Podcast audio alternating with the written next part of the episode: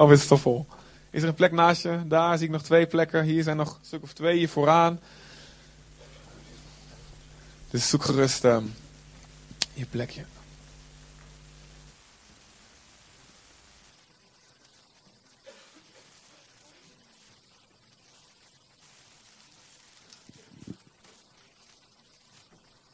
Oké.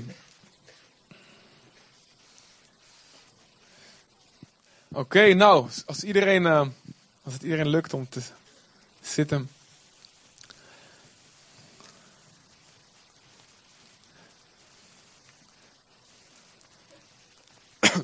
Het is, uh, als jullie gerustig achteraan willen blijven, mogen jullie ook lekker daar blijven, geen probleem. Oké. Um, het is heel bijzonder vandaag. We gaan uh, zes mensen dopen. En we doen dat niet uh, um, bij, voor, voor kinderen, maar we geloven um, vanuit de Bijbel dat, we, dat het goed is dat mensen daar zelf de keuze voor maken. En uh, we geven onze kinderen zoveel mogelijk mee wat we geloven wat de beste weg is. Omdat we van ze houden, dan denken we, nou dit is de weg die wij ontdekt hebben. We geloven dat het de enige weg is. Maar je moet zelf op een gegeven moment je eigen keuze gaan maken. En ik, ja, je kan niet op mijn geloof zeg maar, een relatie met God hebben. God heeft geen kleinkinderen.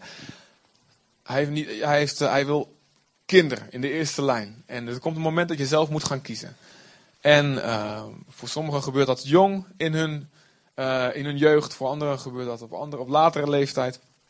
Maar er komt een moment dat je zelf die keuze moet gaan maken. Waar ga je voor? En uh, we zijn heel blij dat we vandaag zes mensen hebben die dat gaan doen. de dopelingen zijn Angela, Gloria, Esther, Tyrone, Rick en Christine. Zwaai even jullie zitten, je hoeft niet te staan. Geef even een applaus aan deze mensen. We gaan, zo, we gaan zo naar ze luisteren wat ze te vertellen hebben. En uh, ja, hoe, ze, hoe eigenlijk hun reis geweest is naar God. Uh, voor ik begin, uh, als je hier nieuw bent, je denkt wat is dit nou voor raars, een kerk in een bioscoop. Ja, we moesten uit onze oude school en dit is het enige gebouw wat we konden krijgen wat groot genoeg was voorlopig. Voor het geld wat we hadden. Maar eigenlijk vinden we het, het een beetje ongemakkelijk voor onszelf, want ik heb niet zoveel ruimte hier vooraan. En achterin kun je me niet zo goed zien. Binnenkort gaan we wat camera's kopen en dan kun je op een groot scherm kun zien. Dat is echt waar. Maar um, eigenlijk, ja, voor onszelf is niet zo gemakkelijk, maar eigenlijk zijn we er wel heel blij mee voor, voor een tijdje om hier te zitten. Um, omdat we, ja, ook, nou, dat maakt ons niet zo wereldvreemd. We, houden, ja, we blijven lekker bij welke films ze draaien en zo. dus ik weet nog dat de smurfen en zo, dat het weer helemaal in is. En het is goed om te weten, um, je mag hier, um, je zit hier lekker op een stoel. Als ik zie dat jullie allemaal in slaap vallen, dan zal ik wel uh, heel hard schreeuwen in de microfoon of een gek geluid maken.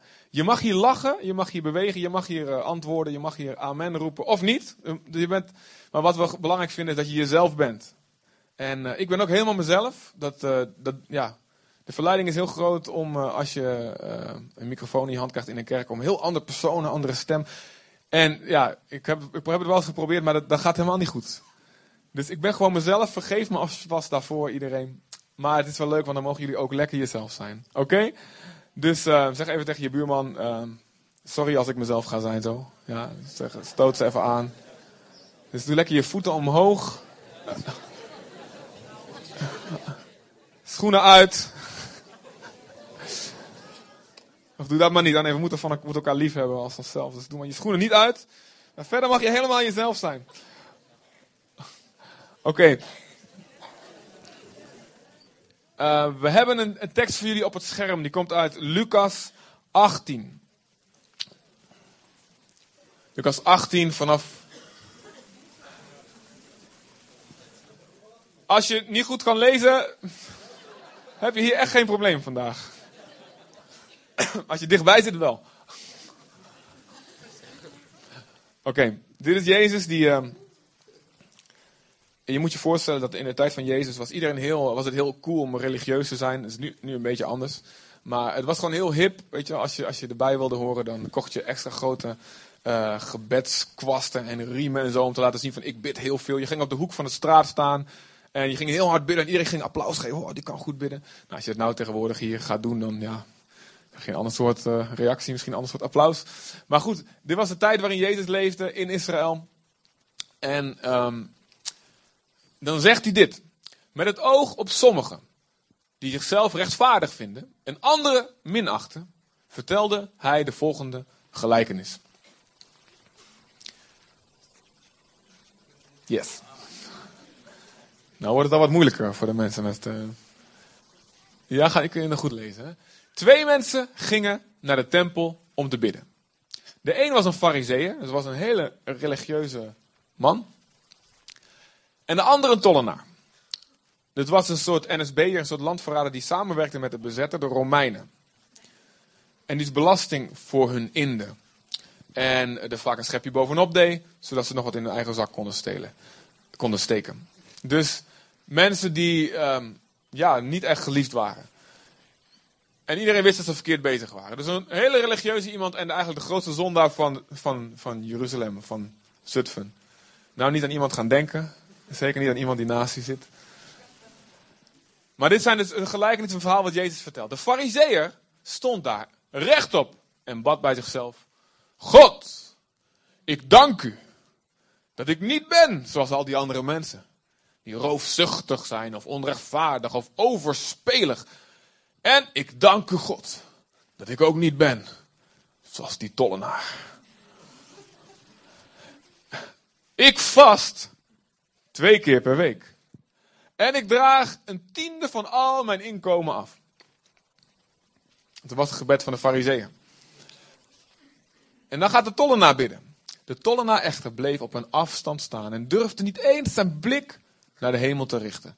In plaats daarvan sloeg hij zich op de borst. Dat was het teken van, uh, ja, van rouw of van, ik, ja, ik ben eigenlijk een grote idioot. Grote zondaar. Het teken van jezelf buigen, jezelf vernederen voor God. En hij zei, God, wees mij zondaar genadig. En dan zegt Jezus, ik zeg jullie, hij ging naar huis als iemand die rechtvaardig is in de ogen van God. Maar die ander, die fariseer, niet. Want wie zichzelf verhoogt, zal vernederd worden.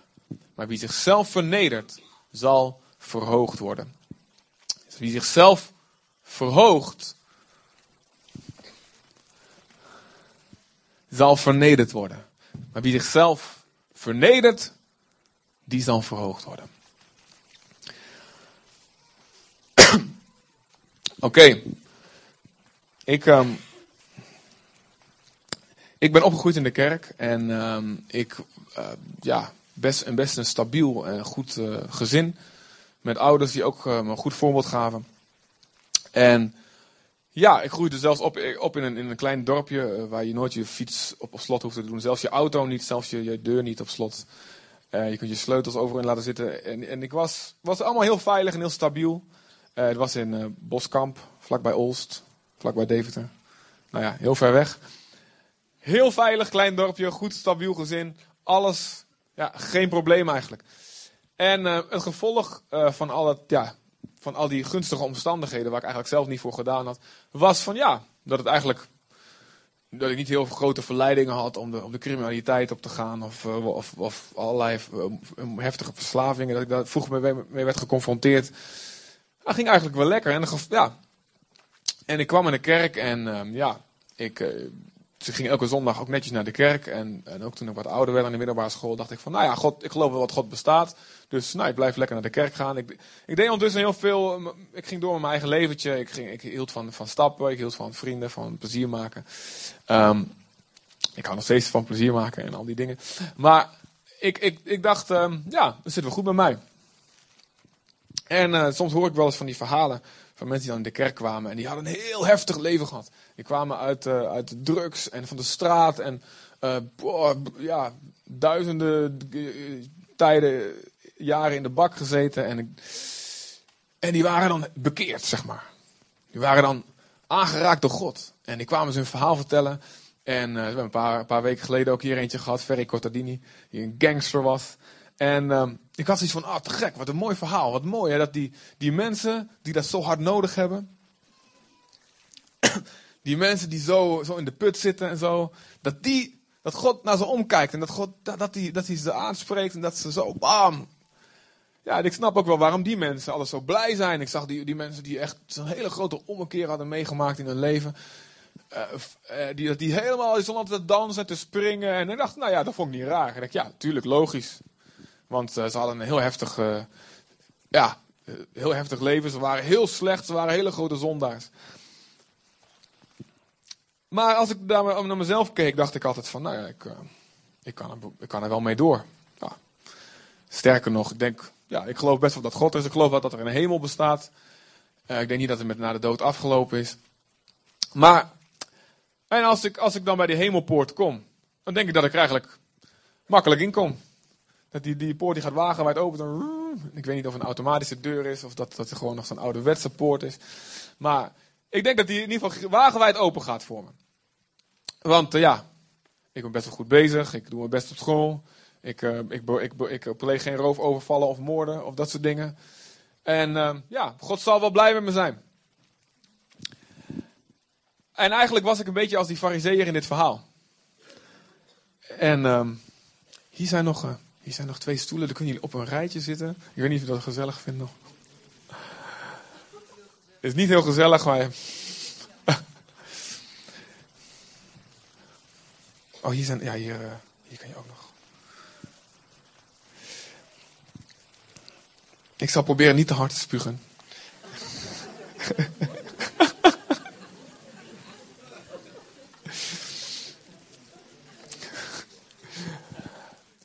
Goed, dus ik dacht van mezelf, ik ben, ik ben goed bezig. En als, ik in, als, als, als die hemel bestaat, dan dacht denk ik wel, dan kom ik er makkelijk in.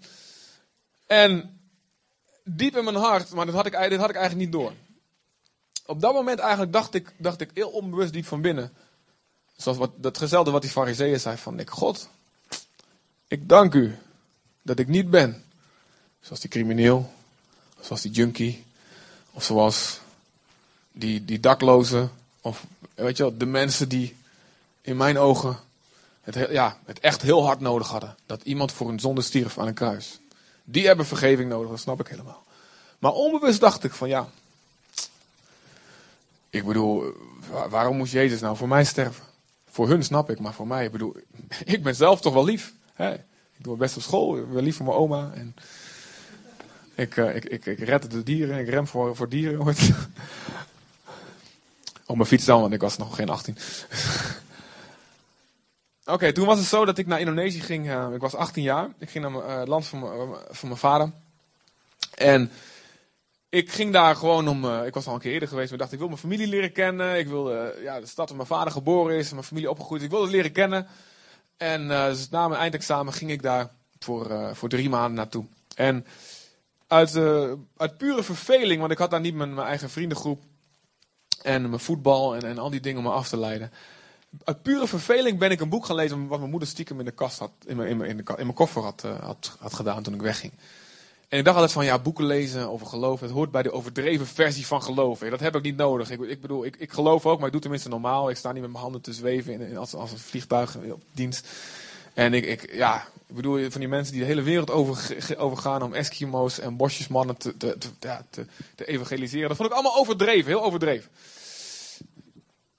En um, maar ik ben uit, verveling ben ik het boek gaan lezen en iemand die praatte daarover over hoe hij met God praatte en dat God antwoordde, dat er wonderen gebeurden en dat de mensen wonderbaarlijk genazen.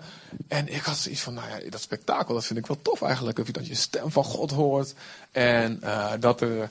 Dat, dat, je, dat, dat, dat, je, dat, dat je in één keer iets anders moet gaan doen. Dat, dat, je daar, dat God dat zegt, je moet voor die bidden, die geneest dan. En dan de hele, ja, dit sprak me wel aan. En ook de wereld overreizen. Dat is toch wel leuk eigenlijk.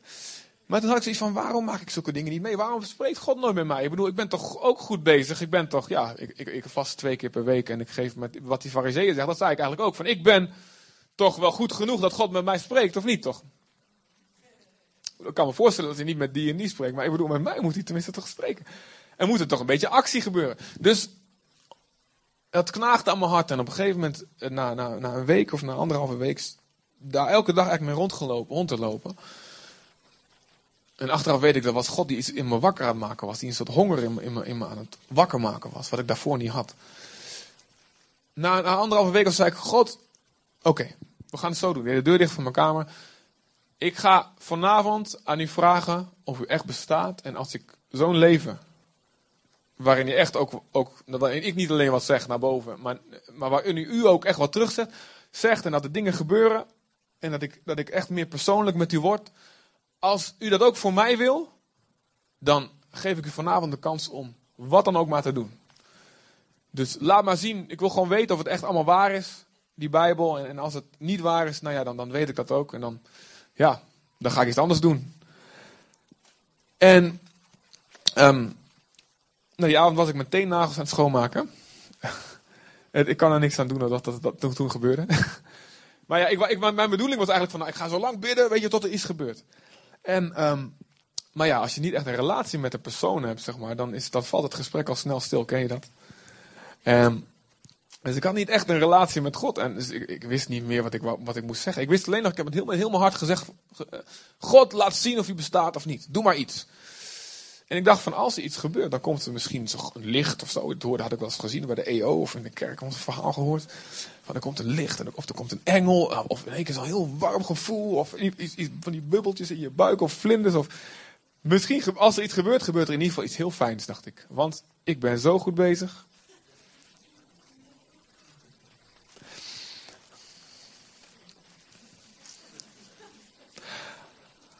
Oké, ik was meteen nagels aan het schoonmaken. Uit afleiding, want ik zou doorbidden, weet je nog? En, ik, en op een gegeven moment, ik was gewoon echt dus ergens anders mee bezig. Dat was eigenlijk het punt. Ik was niet aan het denken aan God of wat dan ook.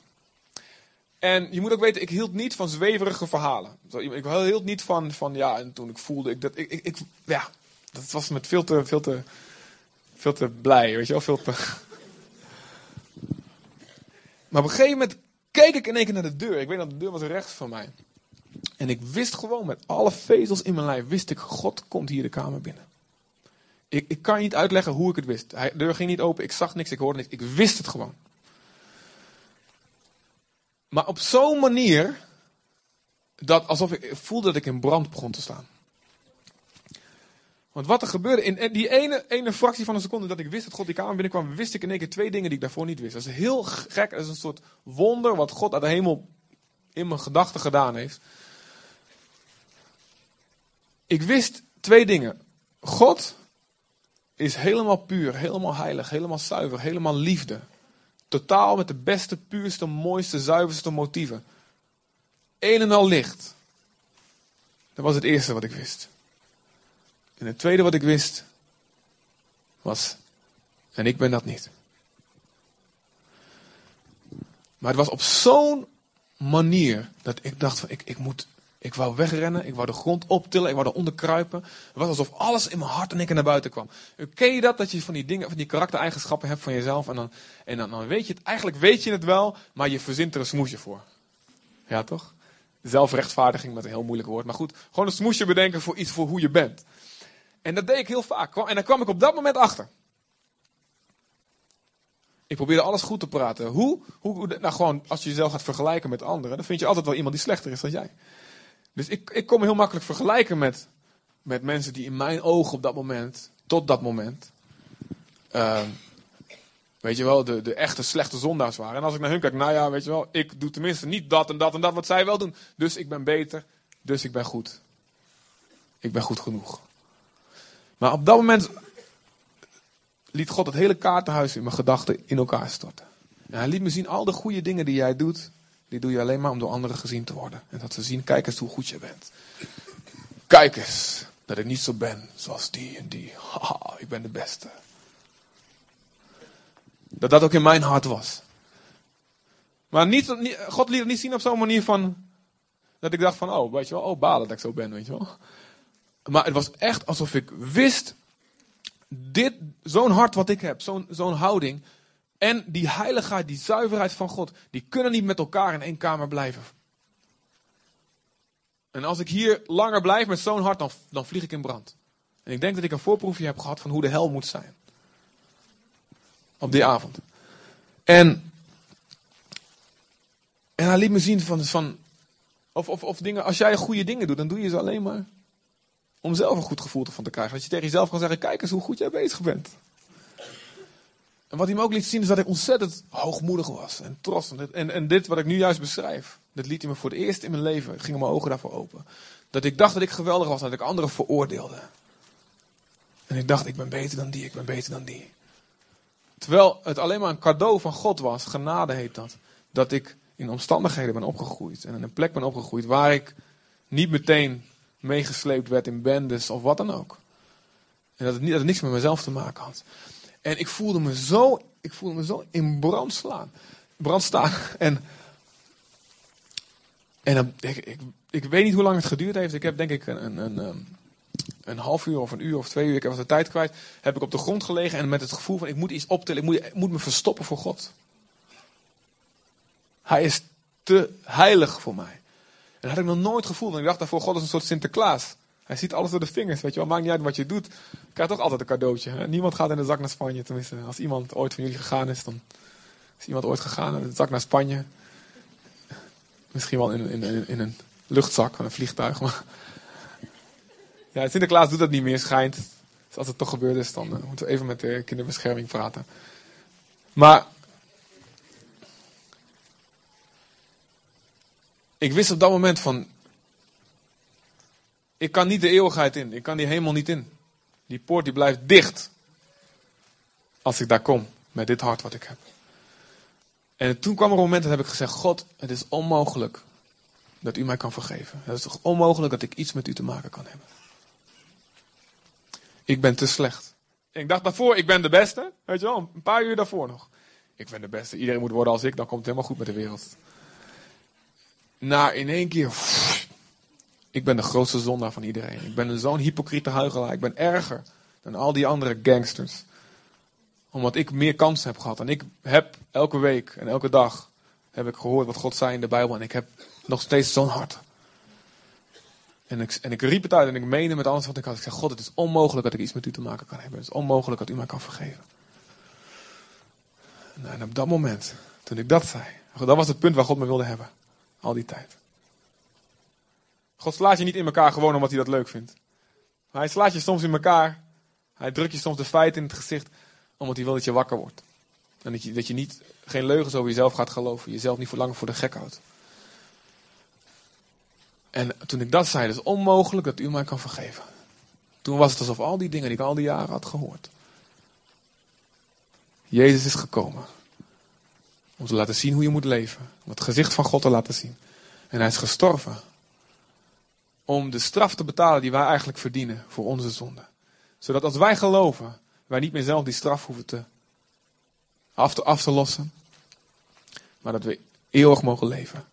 En dat hoe rechtvaardig en heilig en goed en lief Jezus is, zo rechtvaardig en heilig en goed en lief maakt Hij ons. Maar niet uit eigen kracht, maar doordat Hij naast ons gaat wandelen. En die boodschap had ik altijd gehoord en ik dacht, nou, dat is leuk voor die junkies en de moordenaars, dat is leuk voor hun. En op dat moment wist ik, ik ben de eerste, de eerste die het nodig heeft. En was het of al die dingen in één keer tot leven kwamen. Dit is waarom Jezus gekomen is, niet alleen voor hun en voor hun, maar voor jou. Jij die jezelf zo geweldig vond. Jij hebt het meer nodig dan zij. En dat was het moment dat het kwartje, kwartje viel bij mij.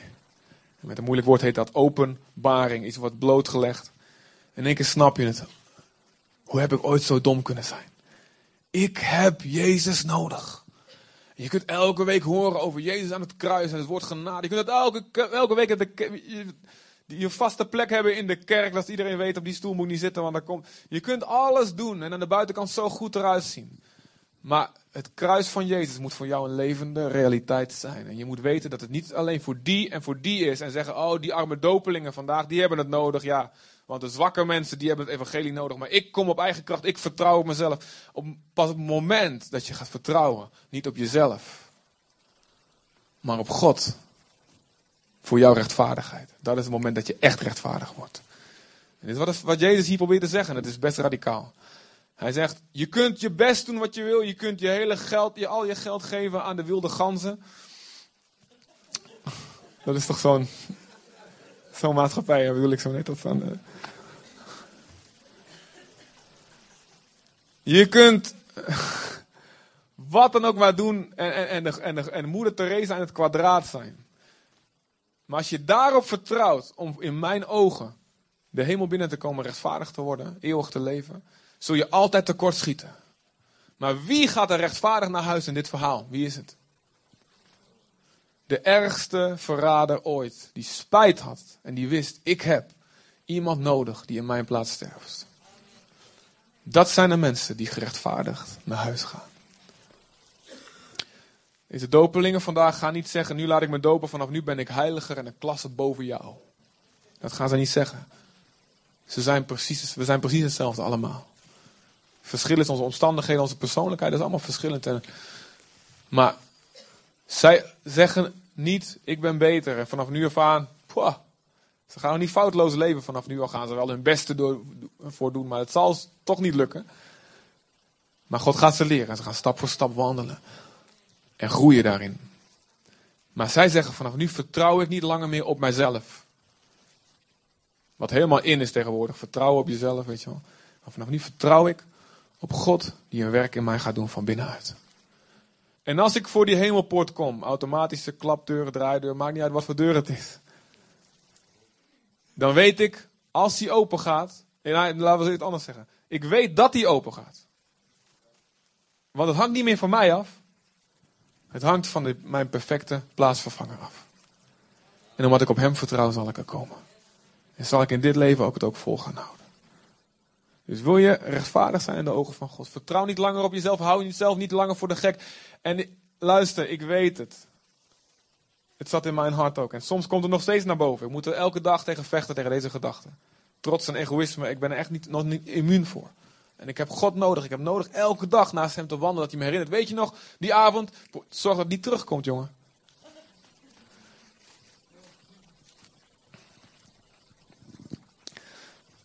Maar zorg dat je vertrouwt op Jezus. Zorg dat je vertrouwt op Hem. En Hij is hier en Hij kent je hart door en door. Hij weet, hij weet wat je hebt. Hij weet hoe je denkt. Hij weet of je jezelf voor de gek houdt dat je goed bezig bent of niet. En hij zegt, maakt niet uit wat je hebt gedaan. Al ben je die ergste zondaar. Of al ben je iemand die aan de buitenkant alles voor elkaar heeft. Allebei. Als je op mij vertrouwt. En als je zegt, oké, vanaf nu is het niet meer ik. Maar mag Jezus door mij heen het leven leiden. Dan zul je rechtvaardig zijn. God zal met je zijn. Hij zal je zegenen. Hij zal je leven vernieuwen. Hij zal je hart vernieuwen. Het is, niet meer dat, je nooit meer problemen zal krijgen. Sommigen komen je juist soms extra problemen bij. En anderen die gaan weer weg. Want je andere keuzes gaat maken. Maar God gaat je leven veranderen. Dat is waarvan ik van getuig. En waar deze zes nu zo dadelijk van gaan getuigen. Ik heel eventjes bidden met elkaar.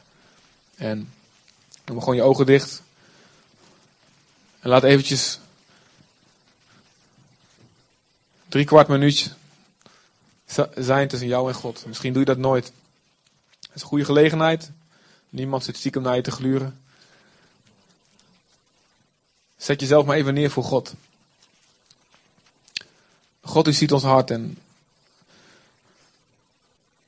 het is goed om te weten dat de Bijbel zegt dat u geen God bent die erop kikt om ons te veroordelen. U bent geen God die zoekt, zit te zoeken naar een fout en als hij het vindt dat hij dan blij wordt, dan kan hij een bliksem op ons af, afsturen. Zo God bent u niet, u bent een God die er ontzettend naar verlangt. Om ons, om ons uw liefde te geven, uw genade te geven, uw goedheid te laten zien. En om ons te helpen en te zegenen. U bent een goede, liefdevolle God. Maar u ziet ook of in onze hart nog een probleem is. U ziet het ook, Heer, of in onze hart nog smoesjes zijn waar we achter verschuilen. Vergelijkingen met anderen waar we achter verschuilen. U, u weet het, God. Als we diep in ons hart denken, dank u God dat ik niet ben zoals die en die, of die nou naast me zit. U weet het, Heer. U ziet het allemaal. En ondanks dat u de rottigheid en vuiligheid van ons hart kent en hoe we anderen soms belazeren of beliegen of wat we uitgevreten hebben in het verleden, dingen die het daglicht niet kunnen verdragen. U weet het allemaal en toch houdt u van ons. U bent u stapel gek op ons allemaal, want u heeft ons gemaakt en u roept ons allemaal terug. Om naar u te komen als, als onze vader.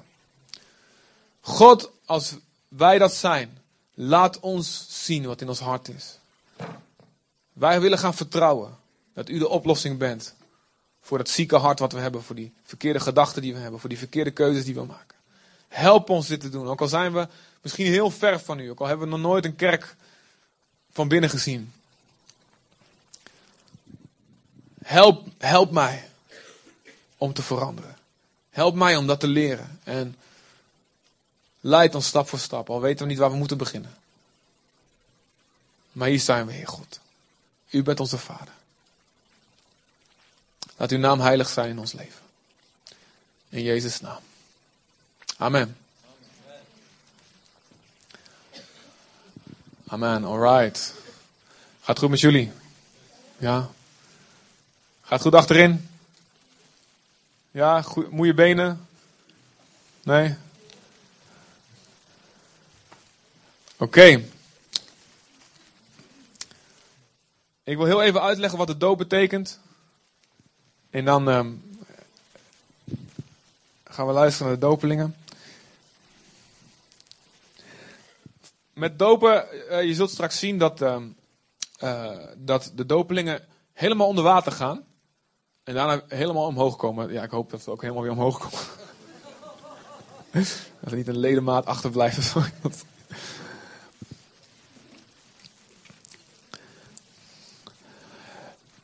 Dat iets uit een zak valt of zo, ja. Dus ze gaan helemaal onder. En daarna gaan ze helemaal weer omhoog. Nou, dat, dat betekent iets. Dat niet zomaar dat Jezus het uitgekozen heeft. Uh, en vroeger deden ze het vaak in, in de rivier. Nou ja, de IJssel. Uh, ja, in Israël is het lekker warm, die rivier. Maar hier in de IJssel is dat niet altijd een pretje. Um, en je bovendien, je weet nog wat het weer wordt. We hebben hier gewoon een zwembad, wat je straks zult zien. Dat ze helemaal ondergaan, dat betekent dat ze begraven worden. Samen met Jezus. En zoals je weet, Jezus die stierf van een kruis. En dat, dat je ondergaat, dat betekent, ik ga samen met Jezus aan het kruis sterven. Mijn oude leven is vanaf nu dood. Vanaf nu dood. Ik leef niet meer voor mezelf, om mijn eigen plannen, mijn eigen dromen, mijn eigen rechten, mijn eigen mening. Vanaf nu leef ik alleen voor Hem. Ik zal vertrouwen op wat Hij zegt, meer dan wat ik voel of wat ik zelf kan bedenken met mijn verstand. Dus ze gaan dood. Hey. Gelukkig staan ze ook weer op. En dat betekent dat ze ook met Jezus samen opnieuw zullen opstaan, een nieuw leven zullen gaan beginnen. En zeggen, dat is mijn nieuwe leven. Mijn nieuwe identiteit is niet meer Tyrone, niet meer Ricky, niet meer Angela, niet meer, ja, noem het allemaal maar op. Christine, Gloria, Esther. Maar vanaf nu is het Jezus die door mij heen leeft. Het gaat niet meer om mij. Ik ga niet meer de aandacht naar mezelf trekken. Ik ga, als iemand mij ziet, ga ik ze allemaal wijzen naar. Tada, Jezus! En ik, laat me, ik wil mijn leven zo laten stralen. Niet meer om Gods liefde te verdienen, want ik weet dat ik die heb door Jezus. Want hij is al voor me gestorven toen ik nog helemaal fout bezig was. Maar om te laten zien en te schijnen, zodat anderen ook gaan zien wat God kan doen.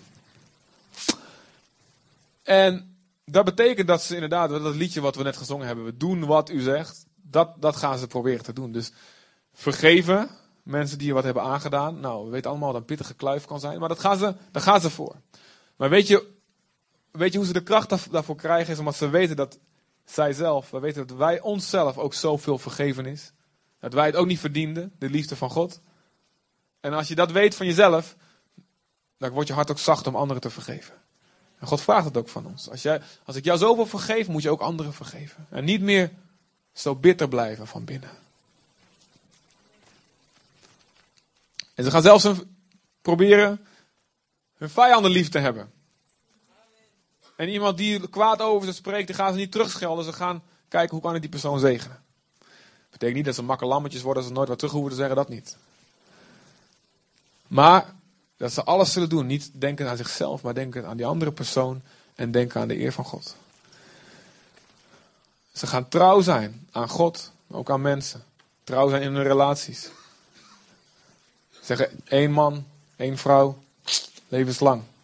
Als ze gaan trouwen. Maar daar wijden zich nu al aan toe. Want dit is wat Jezus zegt. Ze wijden zich toe om niet kwaad meer te spreken over anderen. Maar altijd te spreken alleen zoals God spreekt over mensen. Ze wijden zich toe om niet meer anderen te veroordelen, maar, maar te weten. Zoals ik anderen oordeel, zal ik zelf ook geoordeeld worden. Dus ik zorg dat ik genadig kijk naar iedereen. Dan zal ik zelf ook genade ontvangen. Ze wijden zich toe aan een leven van dienen en dicht bij Jezus wandelen. En ze weten dat ze daarvoor God elke dag nodig hebben. Daarom, en niet als een wet om te houden, maar daarom gaan ze met God praten. Dat heet bidden. Gaan ze instructies lezen. Dat heet Bijbel lezen. En gaan ze bemoedigd worden door anderen die hen kunnen helpen om die goede keuzes te maken. En dat heet naar de kerk gaan of onderdeel zijn van een kerk. Niet alleen op zondag komen en je, en je, je, je stempel halen, maar je hele leven eigenlijk in relatie leven. En je, je hart openleggen ook naar anderen toe, zodat ze je kunnen helpen en bemoedigen. Dat zijn allemaal dingen die God heeft gezegd. Niet uit, als een wet, niet uit angst, omdat ze anders een klap voor hun kop krijgen van God of van de voorganger. Alhoewel ik best goed kan uh, uithalen, nee Maar uit liefde. Weet je, Jezus heeft zoveel voor mij gedaan. Hij heeft zijn leven voor mij gegeven. Nu wil ik mijn leven voor Hem proberen terug te geven. En alles doen voor Hem, die mij voor de eeuwigheid heeft gered. Dat is wat ze gaan doen. Dus als jullie denken, wat gaan die jongens toch veel naar de kerk tegenwoordig, dat komt hierdoor. En dan zeg je, nou, geef ze maar de zegen mee. Nou, jongen, ga maar door. Volgens mij heb je het hard nodig. We hebben het allemaal nodig. En dit is wat ze gaan doen. En uh, ja, jullie mogen gaan, gaan staan. En uh, ik weet niet wie er allemaal zitten. En uh, Arenda mag ook komen. En dan gaan we luisteren. Geef ze even een applaus als ze naar voren lopen.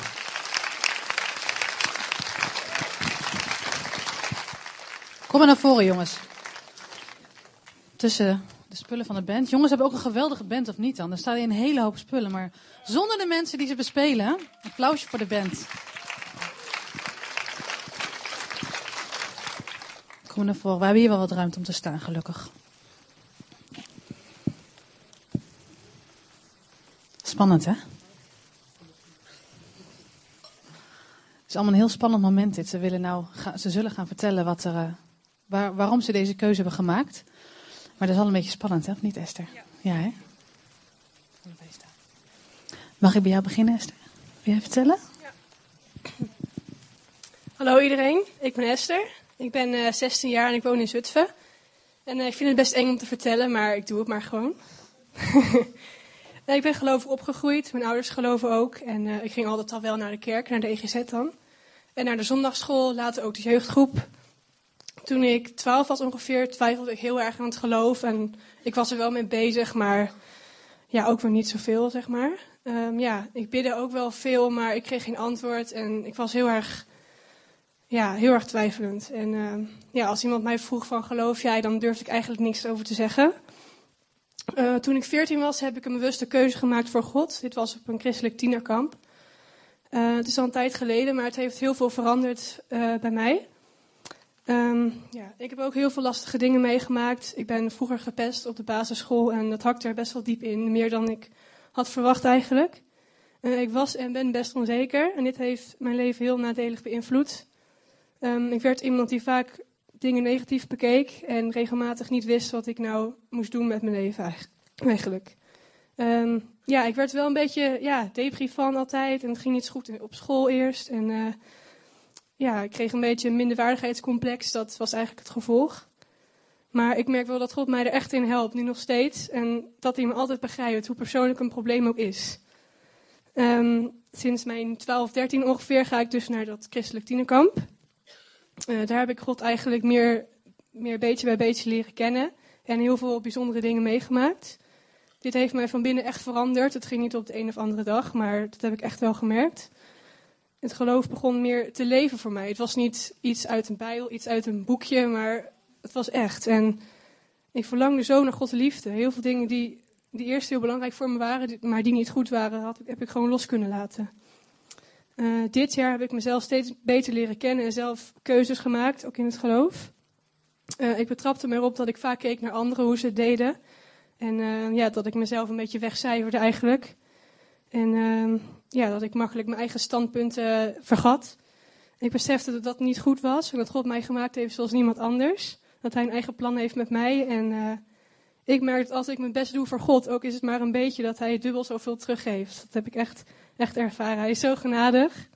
En ik heb zo vaak in moeilijke situaties gezeten dat hij me gewoon uit put heeft gehaald. Dat is echt, heb ik echt heel bijzonder. En het dopen, ik wil het eigenlijk al best wel een tijdje. Maar ik zat maar te wachten op een groot bijzonder iets en dan zou ik me wel laten dopen. Maar ja, ik ging beseffen dat het al een wonder op zich is dat, dat ik besta, dat God mij gemaakt heeft. En toen hij mij een keer in mijn hart geraakt had tijdens opwekking, wist ik gewoon dat ik me wilde laten dopen. En toen heb ik er nog niet veel mee gedaan, maar toen ik hoorde dat Angela en Gloria het ook gingen doen, was het eigenlijk wel het steuntje in de rug die ik nodig had. Ik besef dat ik God nodig heb en ik wil Jezus volgen, omdat Hij groter is dan mijn zorgen, problemen of mijn vragen of twijfel. En Hij houdt zielsveel van mij, hoe dan ook.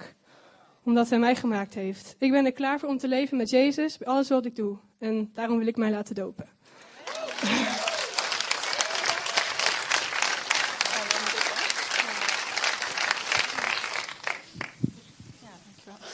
Nou, mijn naam is Gloria. Ik ben 16 jaar oud en zit eigenlijk al vanaf het begin van in deze gemeente. Ik ben mijn hele leven eigenlijk gelovig opgevoed. En eigenlijk gewoon lekker naar de zondagschool en zo. En toen ik 12 was, wilde ik me al laten dopen. Maar men vond me nog eigenlijk te jong, dus dat ging niet door. En later, ja, ik vond eigenlijk dat, deze, dat ik toen niet gedoopt kon worden, naderhand niet zo heel erg. Want nu heb je toch meer ervaring in je leven en zo. En dan weet je ook meer waarom je de keuze maakt. En nou, uiteindelijk ging ik een beetje in een standaard leven van school en werk en vrienden en zo. En was ik eigenlijk niet echt met het geloof bezig. En ja, toen, moment, toen kwam ik er steeds meer in. En ook met opwekking en met het kamp en zo. En ik kreeg ook veel meer christelijke vrienden eigenlijk. En toen kwam Angela op een gegeven moment met het voorstel dat we ons met z'n drieën gingen laten dopen. En dat vond ik eigenlijk heel goed. En ik ben echt blij dat we hier gewoon met z'n allen staan. En uh, nou, dat we echt 100% voor God mogen kiezen. Nou.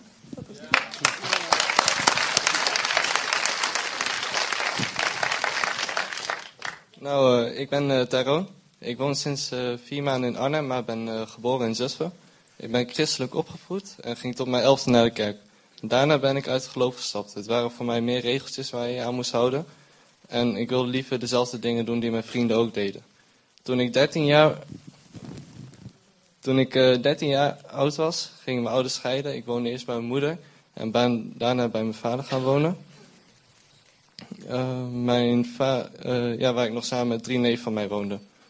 Toen ik 15 jaar was, ging het niet meer zo goed met mij. Ik was onzeker, had weinig vrienden, dronk veel alcohol en zat bijna elke dag thuis. Dat werd steeds erger. Ik blode steeds meer en dronk nog meer alcohol, waardoor mijn onzekerheid nog groter werd. En ik had ook te maken met een gevoel van afwijzing en me niet goed genoeg voelen. En het ging thuis ook niet goed en ik stopte al deze dingen weg in, uh, in alcohol en drugs. Um, ondertussen had ik gesprekken met uh, Ricky over dat, er, uh, dat het ook anders kon alleen maar blowen en uh, drinken. En we wisten dat er meer moest zijn. En we waren al een beetje bezig met het christelijke geloof. Oh. ja, en toen gaf mijn oom mij een keer een heel kort boekje. Wat over een man ging. Waar tegen de duivel zei dat hij 70 jaar werd. En toen dacht hij, ja, dan bekeer ik hem wel op het laatste moment en dan komt uh, alles goed. Alleen hij stierf op 67-jarige leeftijd en de duivel had tegen hem geloven. Toen dacht ik bij mezelf, van ja, straks is het voor mij ook uh, te laat om iets met het geloof te doen. En dan voelde ik me echt uh, aangedrongen om er iets mee te doen. Vanaf dat moment ben ik me gaan verdiepen in het geloof. En ging ik weer naar de kerk en las ik weer de Bijbel. Ik ben een week later gestopt met blowen en heb Jezus aanvaard als mijn redder. Omdat het ook heel goed voelde om deze keuze te maken. Uh, ik ben rond die tijd verhuisd naar Arnhem, zodat ik een plekje voor mezelf heb en een nieuwe omgeving. Sinds ik de keuze voor, uh, sinds de keuze voor Jezus heb gemaakt, ben ik anders over mensen en situaties gaan denken. Vooral geen uh, vooroordelen meer. En ik ben er dankbaar voor dat ik vroeger naar de kerk ben gegaan en christelijk ben opgevoed. Ik had ook een uh, kromme rug, een uh, slechte houding en mijn borstkas stond heel erg naar voren. Ik had hier voor een week lang gebeden dat ik genezen zou worden en dat is gebeurd. Sinds ik, uh, sinds ik geloof in Jezus en hem heb aanvaard als mijn redder, gaat het alleen maar beter met mij. En ik heb geen behoefte meer aan de dingen die ik vroeger deed. Het is niet meer dat ik het niet mag, maar het is ook gewoon dat ik het helemaal niet meer wil. En ik heb hierbij ervaren dat God mensen kan veranderen en dat dit de waarheid is. Daarom wil ik nu mijn leven volledig aan Jezus geven, omdat ik weet dat het goed is.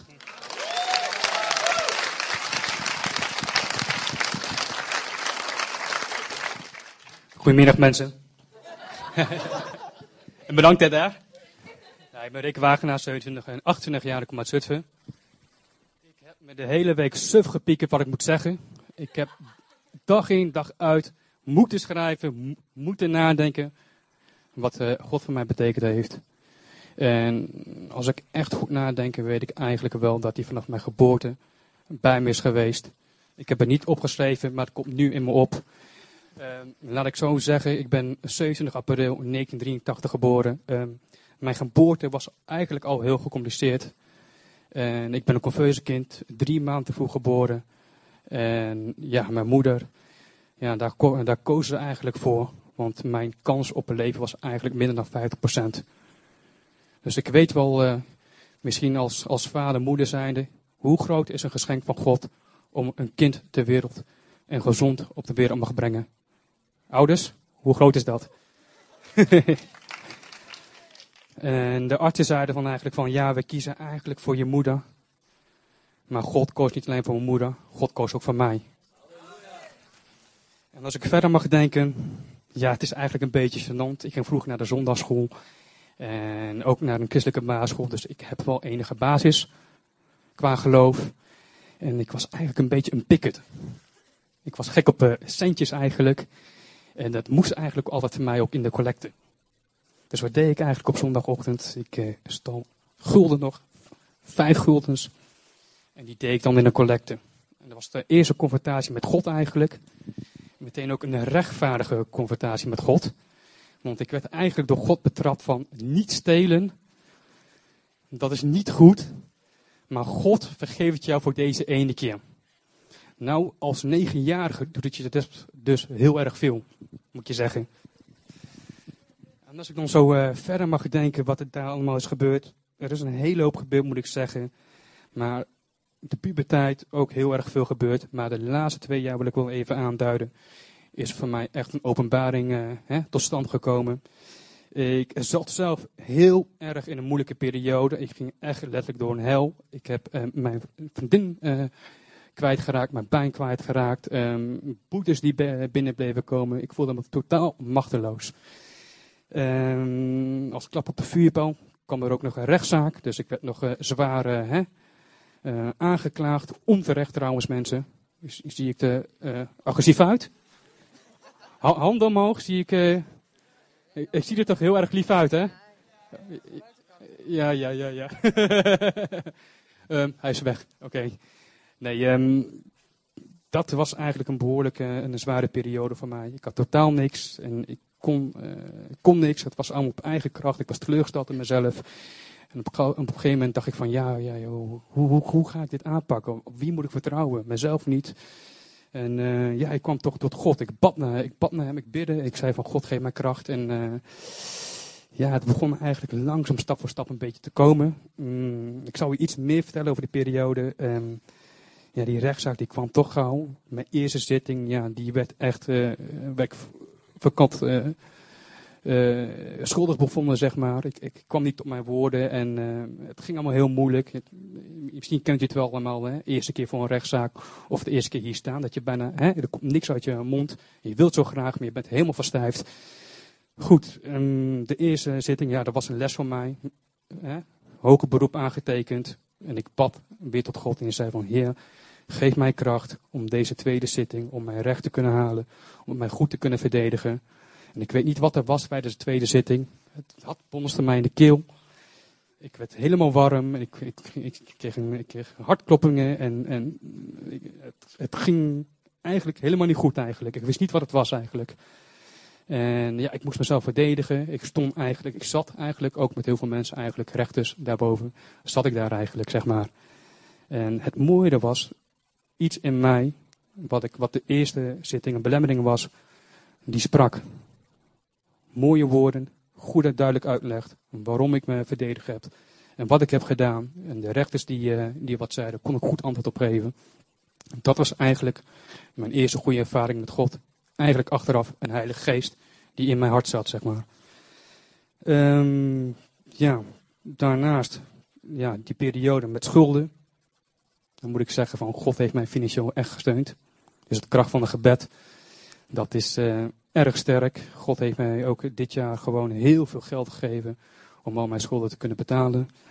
En eh, ja, ik weet gewoon, hè, ook op mijn omgeving, hè, ik kom uit uh, familieleden zijn christelijk en eh, getuigenissen, bevestigingen. Ik weet gewoon dat God een levende God is en ik, God heeft mij ook uit die put getrokken, zeg maar. Door, door mij aan te raken, door elke dag naar de kerk te gaan sinds, sinds januari. En ik weet gewoon dat God ja, mijn hart heeft veranderd, mijn denken. En dat ik gewoon mensen liep heb, waar ik vroeger ja, een hekel aan heb. Dat ik gewoon ja, ook voor jullie hier mag staan. Dat is voor mij echt een, eh, een geweldig teken. Ik wil ook, al met al, samenvattend, waarom ik me laten willen dopen, is eigenlijk gewoon, ja, God is een levende God, wat ik eerst niet verwachtte. En ja, God heeft genade. Want ik dacht ook, hè, wat heb ik eigenlijk te bieden? Hè? En God zegt, van, wat jij toekomt is gewoon gratis wat je krijgt. Je hoeft er niks voor te doen. Neem maar gewoon in vertrouwen. Geloof in Jezus Christus. En ja, dat wil ik gewoon doorzetten. En ik wil gewoon het goede van mijn leven maken. En, uh, en geen teleurstelling meer hebben. In ieder geval goede vertrouwen in God. En daarom wil ik me laten dopen.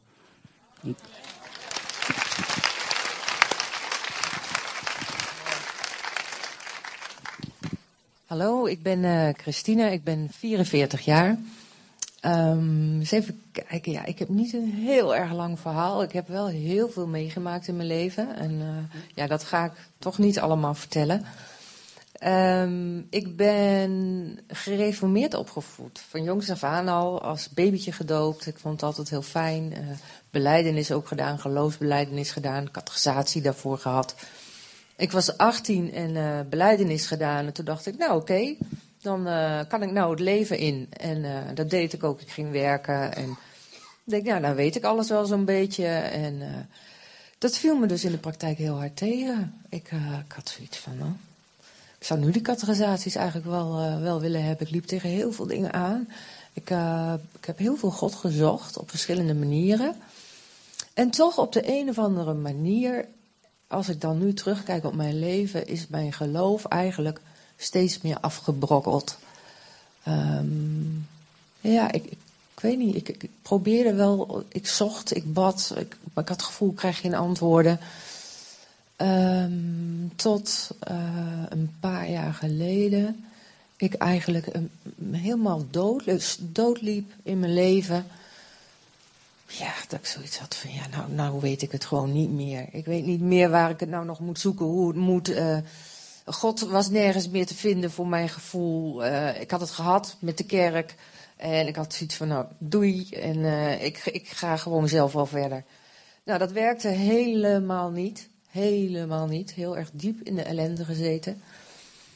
En op een dag weet ik zelf nog goed dat ik dacht, nou goed, heer. Ik was die middag toevallig een, een boekje tegengekomen met uh, elke dag met God, zoiets heette het. En, en ja, ik dacht daarover na. Van ja, misschien moet ik toch maar weer eens God op gaan zoeken. En toen heb ik s'avonds, dat weet ik nog heel goed, dat ik zei van nou heer, ik wil het nog één keer proberen met u. Nog één keer. Maar dan wil ik het toch meer op mijn eigen manier. Ik had zelf op de ene manier altijd de wens gehad van toen ik 18 was al van ik wil zo graag naar een evangelische gemeente.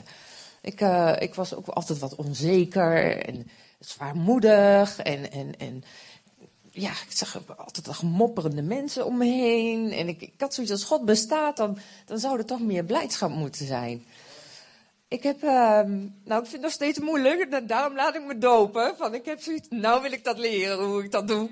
Echt door de geest. Ik heb het ook altijd heel, heel lang vanuit mezelf geprobeerd en vond het vaak zwaar.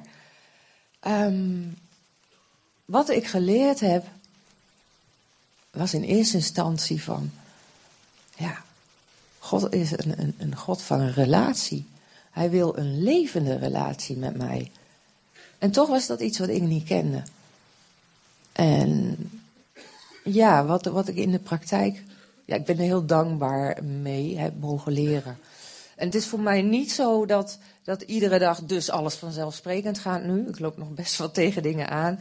Maar um, ja, ik, ik weet dat ik ieder moment met hem kan spreken. En dat doe ik ook veel.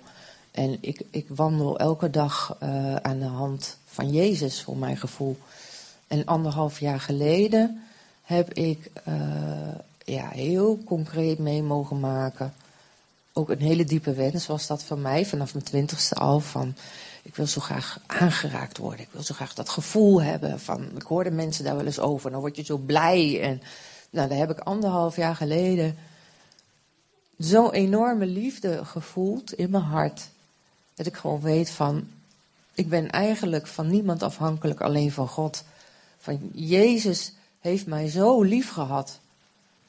Hij is gestorven voor mij en hij wil elke dag bij mij zijn. En door zijn geest op deze wereld woont hij ook in mij. En ben ik nooit alleen op deze wereld. En dat vind ik echt zo fantastisch. En ik wil mij nu als volwassene bewust nog een keer laten dopen.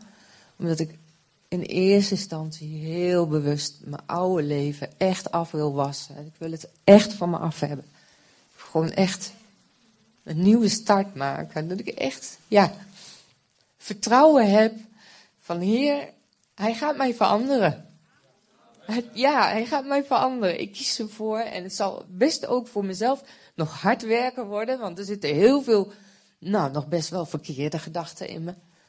Ehm, of heel veel, maar ja, ze zitten er nog en ik, ze gaan eruit. En ehm, ik vind het ook heel mooi dat, dat uh, Jezus zelf uh, tegen Nicodemus zegt in Johannes 3: van iedereen die door water en door geest opnieuw geboren zal worden, die zal mijn koninkrijk zien.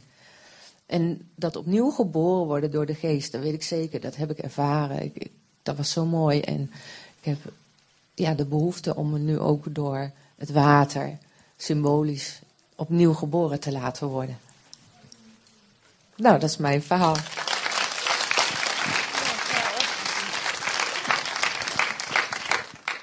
Nou, hallo, ik ben Angela.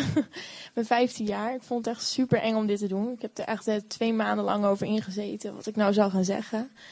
Ik ben uh, eigenlijk mijn hele leven christelijk opgevoed. En uh, ik ging altijd met mijn moeder mee naar de kerk. Mijn vader ging naar een andere kerk. En uh, ik had eigenlijk altijd wel een hele goede band met God. En ik voelde me echt tot hem aangetrokken. En ik voelde zijn liefde. En ja, ik leefde eigenlijk voor hem. En bij ons thuis waren de omstandigheden niet zo fijn. Mijn ouders hadden altijd heel veel ruzie en uh, wouden eigenlijk al heel lang scheiden. Dus, uh, en op school werd ik gepest. Ik werd altijd buitengesloten. En eigenlijk voelde ik me heel erg eenzaam. En als ik dan naar huis toe kwam, dan werd ik gemengd in een ruzie. En uh, ja, dan wist ik niet zo goed meer wat mijn doel was. En daar was ik naar op zoek. Ik zocht altijd naar God. En uh, toen kwam ik op een dag kwam ik op school. En mijn vriendinnetjes zeiden tegen mij van... joh, als jij God achterwege laat, dan mag je bij ons horen. En dat was het enige wat ik wou. Ik wou geaccepteerd worden en uh, me ook zo voelen en aangenomen. En uh, vanaf dat moment heb ik eigenlijk God uit mijn leven gezet en gezegd van nou, Heer, ik hoef u niet meer. En uh, eigenlijk ging me na dat moment ging ik me nog echt veel eenzamer voelen en had ik niks meer, ja, voelde ik me gewoon leeg. En ehm, wist ik niet meer zo goed wat ik met mijn leven moest. En ehm, nou ja, mijn ouders zijn drie jaar geleden gescheiden. En uh, dat was op de eerste dag van mijn middelbare school, mijn eerste schooldag. En uh, ja, dat is heel moeilijk. Ik was op een nieuwe plaats, een nieuw huis. En ik miste een deel van mijn gezin. En uh, ja, op dat moment voelde ik me gewoon echt depressief. En ik wou dingen niet meer. Ik wou niet meer naar school. En ik zag het leven gewoon echt niet meer zitten. En ik was zo op zoek naar God. En ja, het vaderbeeld. Mijn vader is niet, nou ja, die heeft me verkeerd behandeld. En ja, ik wou gewoon liefde voelen en ja, me geaccepteerd door hem. En dat hij me mooi zou vinden en dat ik er mocht zijn. En dat is al waar ik mijn hele leven naar op zoek ben geweest, om een vader te hebben. En uh, ja, ik geloof ook echt dat God mijn vader wil zijn en dat hij de leegte wil vullen die ik gewoon mijn hele leven al heb. En dat hij me wil accepteren en dat ik welkom bij hem ben. Nou, ik ben uh, anderhalf jaar geleden ben ik uit huis geplaatst wegens omstandigheden. Ik uh, voelde me heel rot en uh, ja, eenzaam dus. En ik ging op een verkeerde manier met mijn, met mijn ouders en mijn zusje om. En um, toen ben ik bij de familie Kampstra gekomen, die zitten hier. ja, nou, ik heb het er prima naar mijn zin en uh, ik heb ook echt een stuk herstel ervaren. Ik heb gesprekken gehad met Wim en Eva, die zitten hier ook. En um, ja, ik heb gewoon moeilijke dingen gedaan waarvan ik dacht dat ik het wel allemaal alleen kon. En dat uiteindelijk bleek dat ik God gewoon toch echt nodig had in mijn leven. Dat ik mensen heb vergeven en dingen los kon laten en verder kon met mijn leven. En eigenlijk Het enige wat ik nu echt wil is gewoon voor God leven en kunnen zeggen van ja, Heer, hier ben ik en ik geef me over aan u. En uh, ja, dat is graag wat ik wil. En uh, daarom laat ik me dus dopen, om meer op hem te gaan lijken. Ik ga met mijn pleegmoeder en mijn pleegzusje liedje zingen.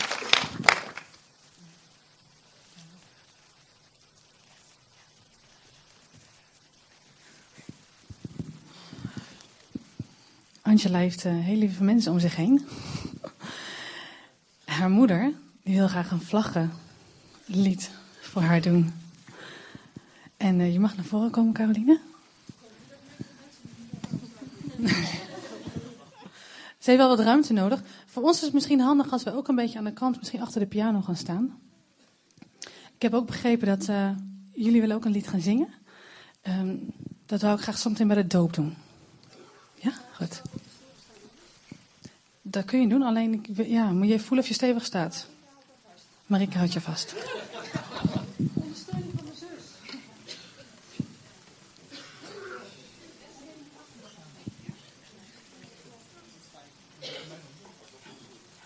Rick, doe jij de muziek aan? U staat aan mijn begin. In u is er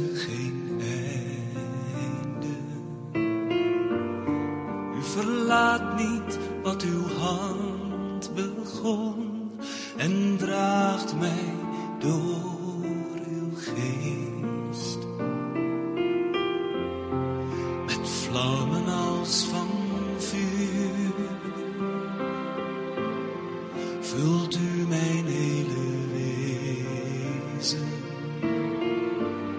Houd mij vast, ga voor mij uit, ik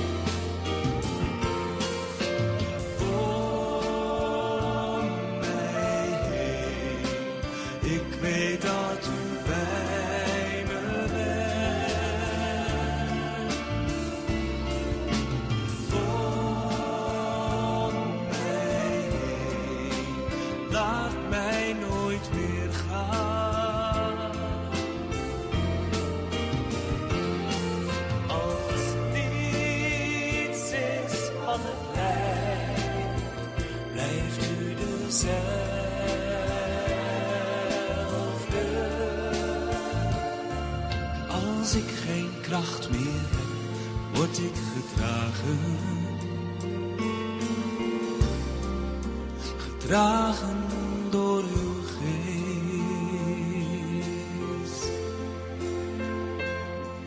Als ik geen kracht meer heb, word ik gedragen.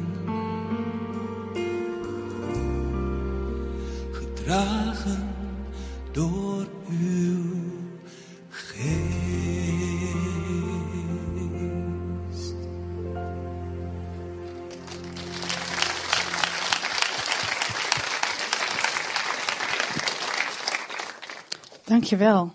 Dat is heel bijzonder. En wij gaan zo meteen omkleden. Want we gaan eh zo meteen terug naar, eh, naar het, naar het eh, stuk café. Waar we koffie gedronken hebben. Aan het begin van de dienst, of vooraf van de dienst. Ehm, ik ben er even stil van. In ieder geval, ik wil vragen, ehm, Victor, wil jij weer naar voren komen de band? Victor, waar ben je?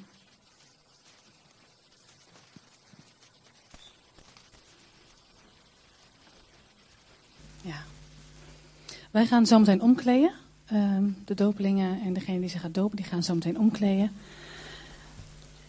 Wij gaan, hier worden nog een paar liederen gezongen. En wanneer dat afgelopen is, dan eh, wil ik u vragen als eerste degene met een stoel na- eh, naar buiten te gaan. De stoelen mee te nemen, zodat de, de gangen hier weer vrij zijn. En daarna kan iedereen ehm, rustig naar, eh, naar de plek van het dopen gaan. Neem al je spullen mee, want dan kom je niet meer terug. Zometeen gaan hier de films weer draaien. Dus eh, denk eraan dat je alles meeneemt.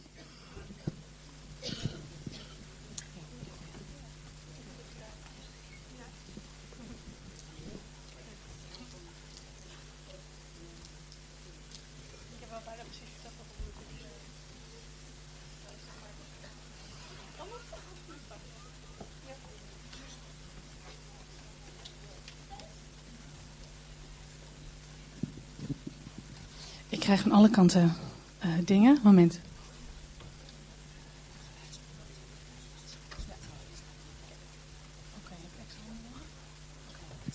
Ik hoor net dat we twee man nodig hebben, omdat de geluidsspullen moeten meegenomen worden naar het doopbad. Die hand, nog een hand. Daarachter ook nog, dankjewel.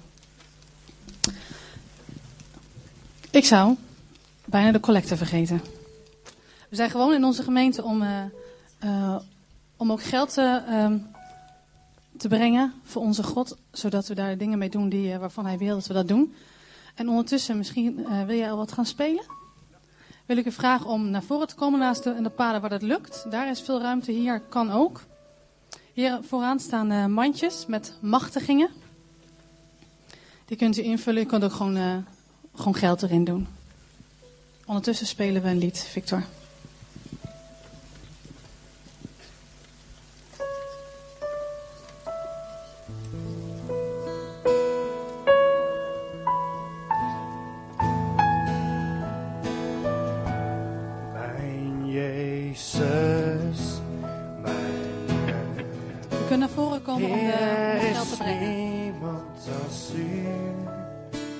Laat er komen, en al wat ik ben, vol zijn van liefde.